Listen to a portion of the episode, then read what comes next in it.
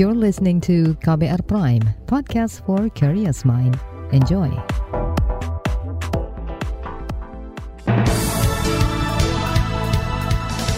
Selamat pagi saudara, senang sekali kami bisa menjumpai Anda kembali melalui program Buletin Pagi. Untuk edisi Rabu 1 Juni 2022 bertepatan dengan peringatan Hari Lahir Pancasila. Saya Agus Lukman, saudara sejumlah informasi pilihan telah kami siapkan di antaranya Mahkamah Konstitusi menolak gugatan Undang-Undang Ibu Kota Negara. Capaian vaksinasi booster COVID-19 masih rendah sekitar 20 persen. Polisi menyelidiki kasus pengibaran bendera bintang kejora di Wamena. Inilah Buletin Pagi selengkapnya. Terbaru di Buletin Pagi. Mahkamah Konstitusi menolak permohonan uji formil pembentukan Undang-Undang Ibu Kota Negara Uji formil diajukan oleh enam pemohon yaitu Busro Mokodas, Trisno Raharjo, Yati Dahlia, Dwi Putri Cahyati, LSM Aliansi Masyarakat Adat Nusantara Aman, serta Wahana Lingkungan Hidup Indonesia Walhi. Para pemohon menilai pembentukan Undang-Undang Ibu Kota Negara bertentangan dengan konstitusi karena tidak melibatkan partisipasi publik. Undang-undang IKN juga dianggap menciptakan konflik teritorial penguasaan dan kepemilikan wilayah adat.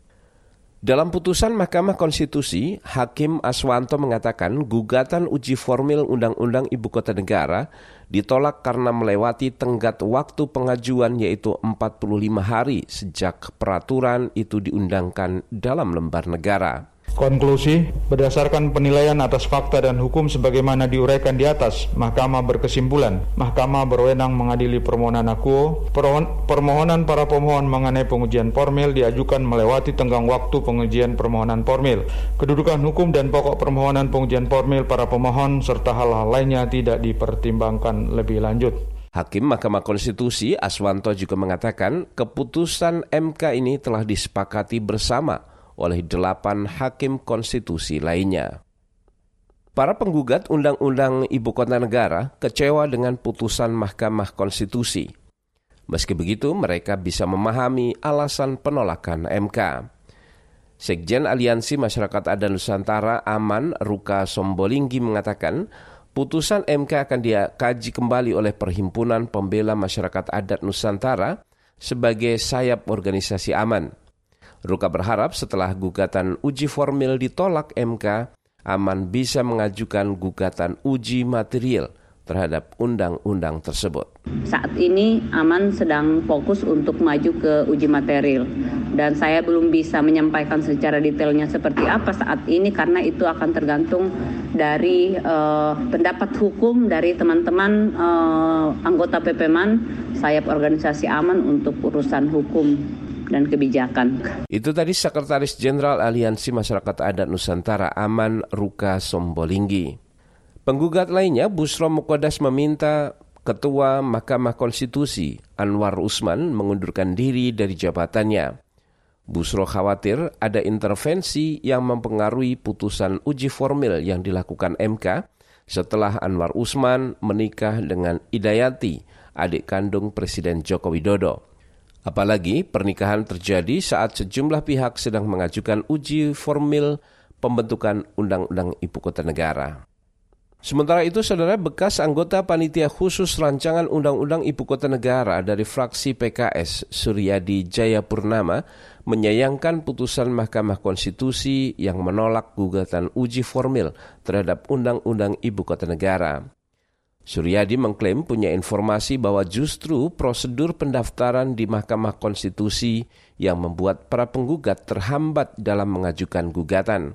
Akibatnya, pengajuan gugatan uji formil melanggar aturan dengan melewati masa tenggang 45 hari sejak Undang-Undang IKN diundangkan. Ya, saya kira ini proses yang memang harus dilalui. Uh, tentu kita juga harus menghormati setiap proses itu Walaupun kita juga menyarankan kepada eh, kelompok-kelompok uh, masyarakat yang masih ingin menggugat undang-undang ini, uh, mungkin kalau dari sisi formilnya tidak ada keputusan seperti itu, tapi uh, masih juga sangat mungkin diajukan dari sisi materialnya begitu. Hmm. Bekas anggota panitia khusus RUU Ibu Kota Negara dari fraksi PKS di DPR, Suryadi Jayapurnama, mengingatkan masalah utama atas undang-undang Ibu kota negara bukan hanya semata pada aspek formil saja, tapi banyak juga substansi undang-undang yang bertabrakan dengan konstitusi. Suryadi juga meminta masyarakat tetap berjuang menggugat Undang-Undang Ibu Kota Negara ke Mahkamah Konstitusi dengan mengajukan uji materi. Fraksi PKS merupakan satu-satunya fraksi di DPR yang menolak penetapan RUU Ibu Kota Negara menjadi undang-undang dalam rapat paripurna DPR.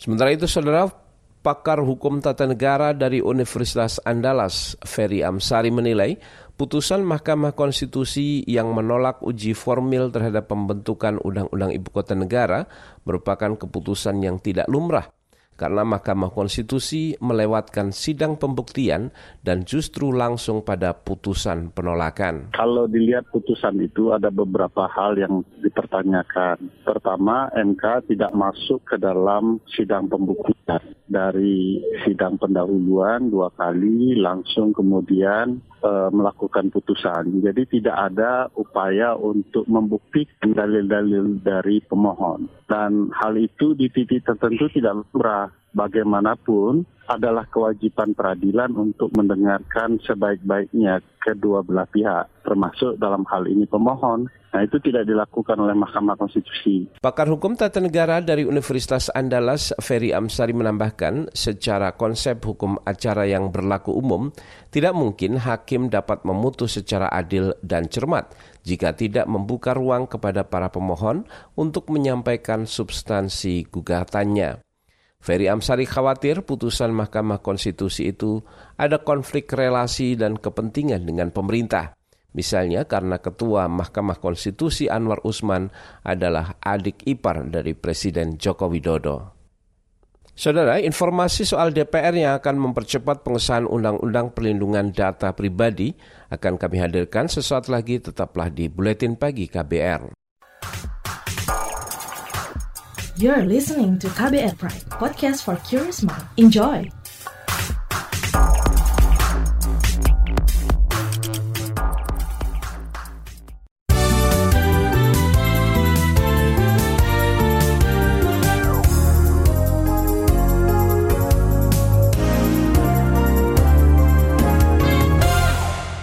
Anda sedang mendengarkan Buletin Pagi KBR.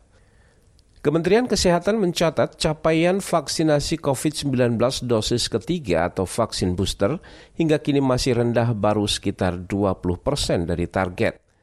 Menteri Kesehatan Budi Gunadi Sadikin mengingatkan masyarakat agar segera melakukan vaksin booster karena bisa meningkatkan kekebalan tubuh seseorang hingga berkali lipat data sero survei yang bulan Maret ya jadi kita lihat nih kadar antibodi rata-rata antibodi sebelum booster itu ordernya di sekitar 400-an titer antibodinya atau kadar antibodinya tapi begitu itu di booster itu naik sampai 5000 sampai 6000 kadar antibodi atau titer antibodinya jadi apa kesimpulannya? Booster itu meningkatkan kekebalan ya atau kekuatan antibodi atau kadar antibodinya itu berlipat-lipat sehingga akan sangat melindungi masyarakat masyarakat kalau mereka mengambil booster. Menteri Kesehatan Budi Gunadi Sadikin menambahkan Indonesia akan mendatangkan 70 juta lebih vaksin COVID-19 hingga akhir tahun ini.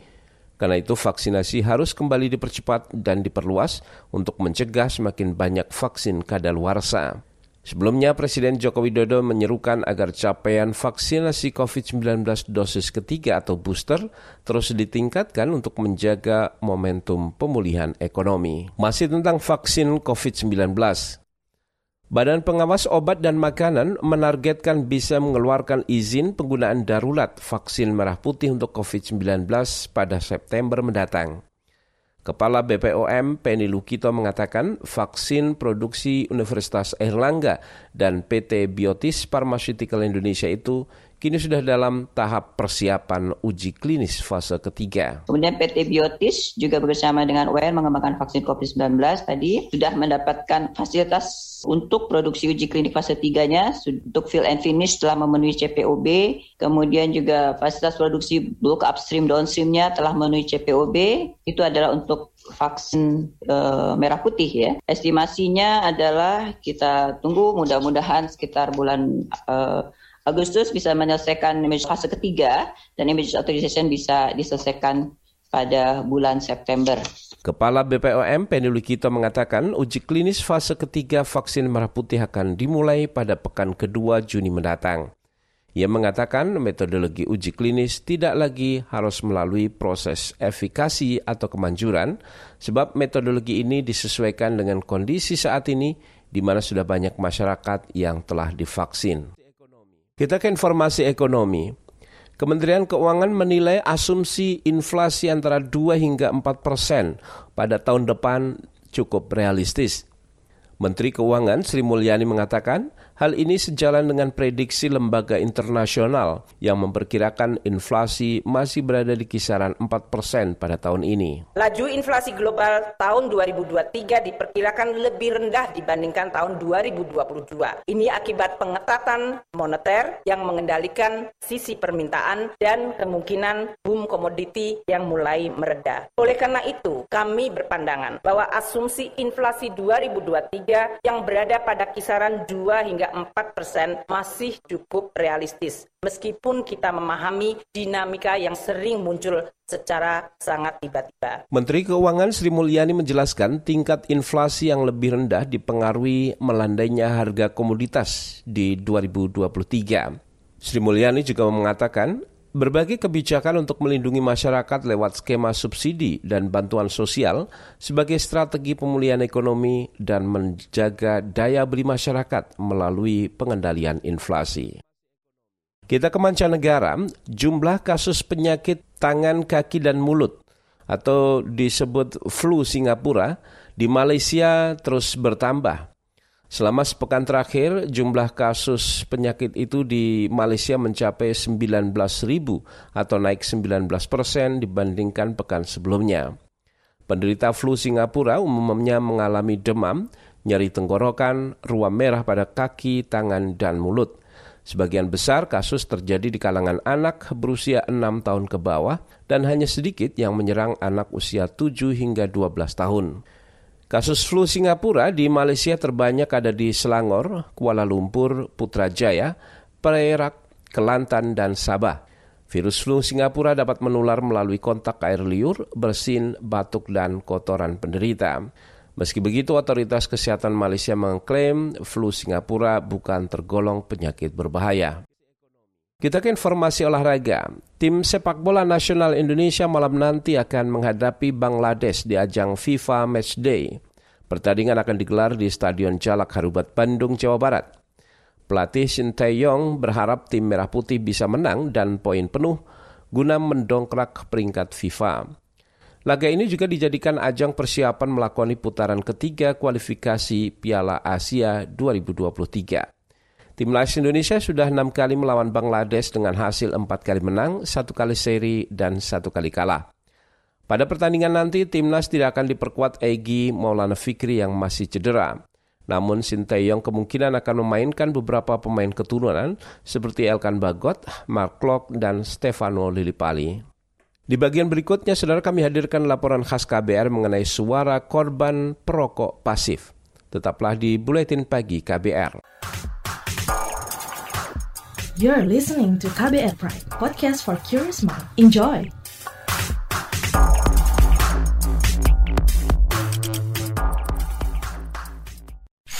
Commercial break. Commercial break.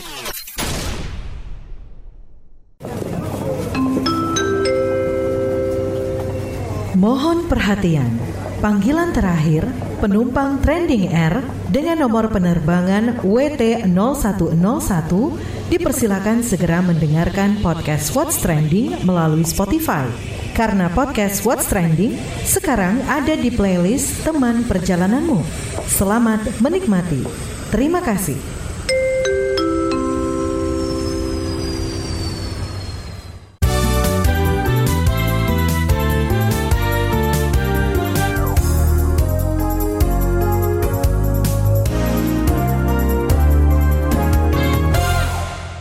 Anda masih bersama kami di Buletin Pagi KBR.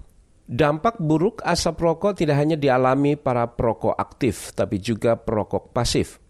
Pada 2019 lalu, lebih dari satu juta orang perokok pasif di Indonesia meninggal akibat asap rokok. Pemerintah telah mengeluarkan berbagai aturan untuk menurunkan jumlah perokok, namun hasilnya tidak cukup signifikan. Selengkapnya simak laporan khas KBR yang disusun Sindu Darmawan.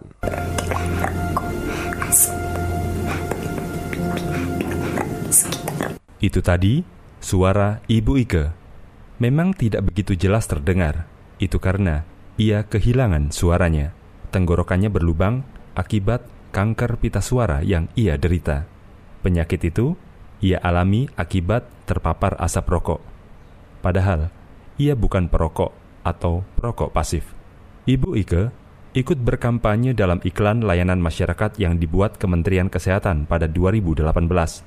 Dalam video iklan tersebut, Ike berpesan agar para perokok berhenti merokok demi orang-orang yang ada di sekitar mereka. Di tanah air, sejumlah orang membentuk Aliansi Masyarakat Korban Rokok Indonesia atau AMKRI. Aliansi ini dibentuk pada Oktober 2012 oleh 30 orang pelopor. Para pelopor itu di antaranya adalah para penyintas atau pasien berbagai penyakit korban rokok seperti kanker paru dan kanker pita suara. Salah satu tujuan AMKRI adalah mewujudkan masyarakat Indonesia yang sehat dan bebas dari dampak buruk asap rokok. Juga meningkatkan pemahaman korban tentang bahaya asap rokok dan pentingnya pengendalian tembakau. Beberapa waktu lalu, AMKRI bersama Komnas Pengendalian Tembakau meluncurkan buku kumpulan kisah masyarakat yang mengalami penderitaan diri sendiri maupun keluarga akibat kebiasaan merokok. Ketua AMKRI Helena Iswardi. Di dalam kisah buku jilid 3 ini menceritakan kisah perjalanan teman-teman sejak sakitnya dan mengalami segala kehilangan baik kesempatan bekerja dan juga finansial tetapi mereka pada umumnya bangkit kembali tentu saja dengan segala susah payah dan penderitaan yang tidak bisa kita gambarkan. Buku ini menjadi salah satu sarana kampanye AMKRI memperjuangkan hak mereka untuk hidup sehat bebas dari dampak buruk asap rokok. Selain itu, mendorong perwujudan dan penegakan kebijakan dan peraturan tentang pengendalian tembakau. Mereka juga berkampanye serta melakukan edukasi kepada publik. Jadi yang saya harapkan jangan sampai ada korban-korban lain seperti kami-kami ini. Stop sampai di sini. Jangan ada korban lagi. Jangan mulai dengan merokok.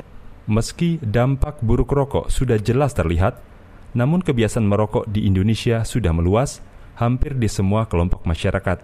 Peningkatan terjadi baik untuk konsumsi rokok elektrik maupun konvensional. Wakil Menteri Kesehatan Dante Herbuwono mengatakan, jumlah perokok dewasa meningkat hingga 8,8 juta jiwa dalam 10 tahun terakhir. Data ini berdasarkan hasil survei Global Audits Tobacco Survey GATS 2021 yang disampaikan Dante pada hari ini bertepatan dengan Hari Tanpa Tembakau Sedunia. Yang lebih lanjut lagi bahwa jumlah perokok pasif meningkat menjadi 120 juta di seluruh Indonesia. Kemudian yang terpenting lagi juga bahwa angka promosi untuk rokok ini makin lama makin meningkat baik melalui media media sosial, baik melalui media elektronik maupun media media yang lainnya.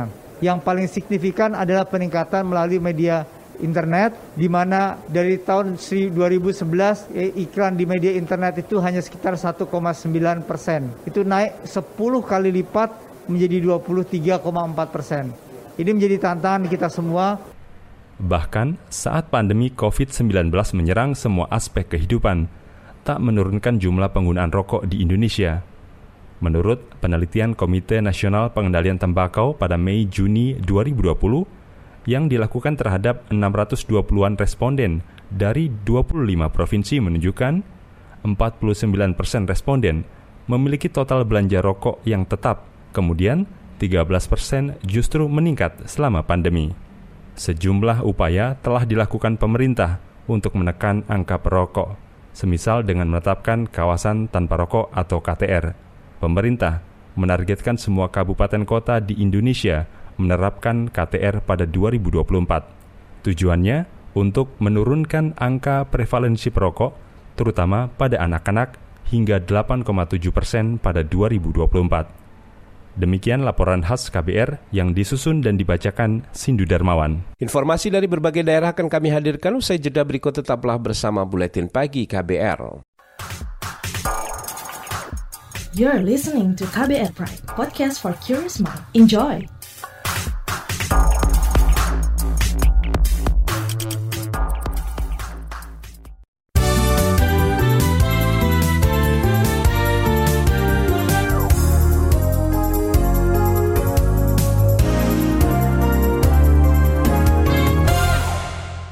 Inilah bagian akhir buletin pagi.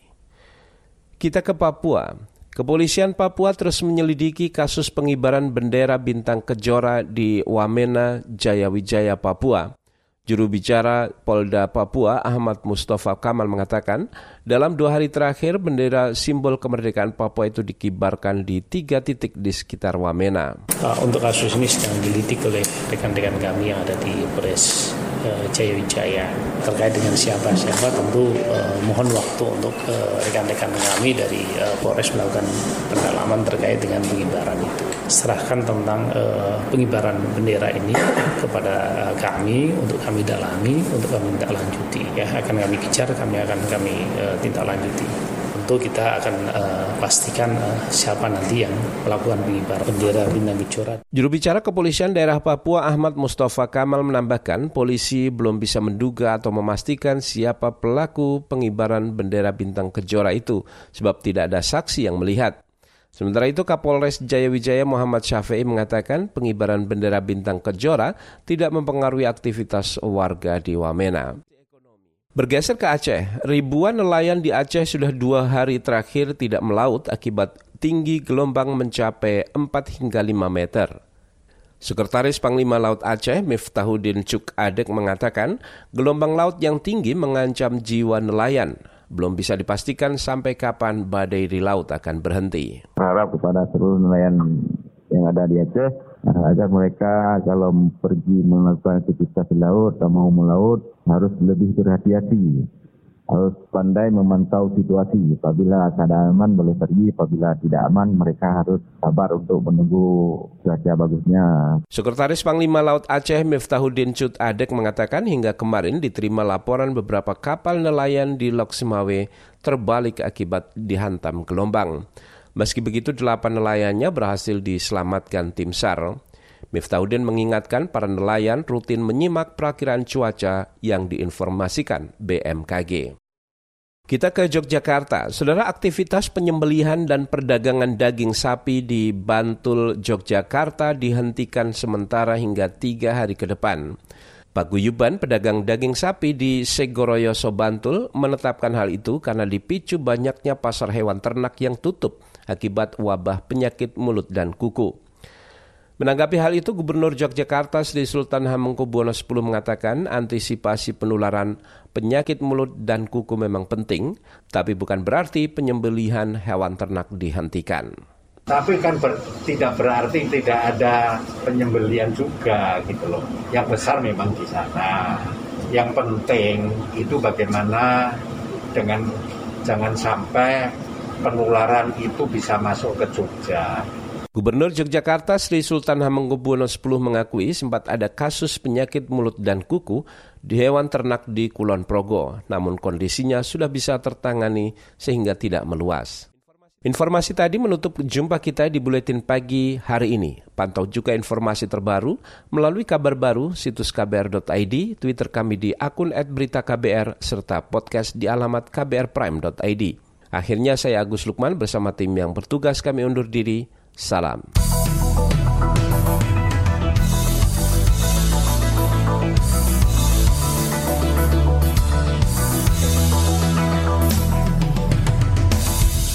KBR Prime, cara asik mendengar berita.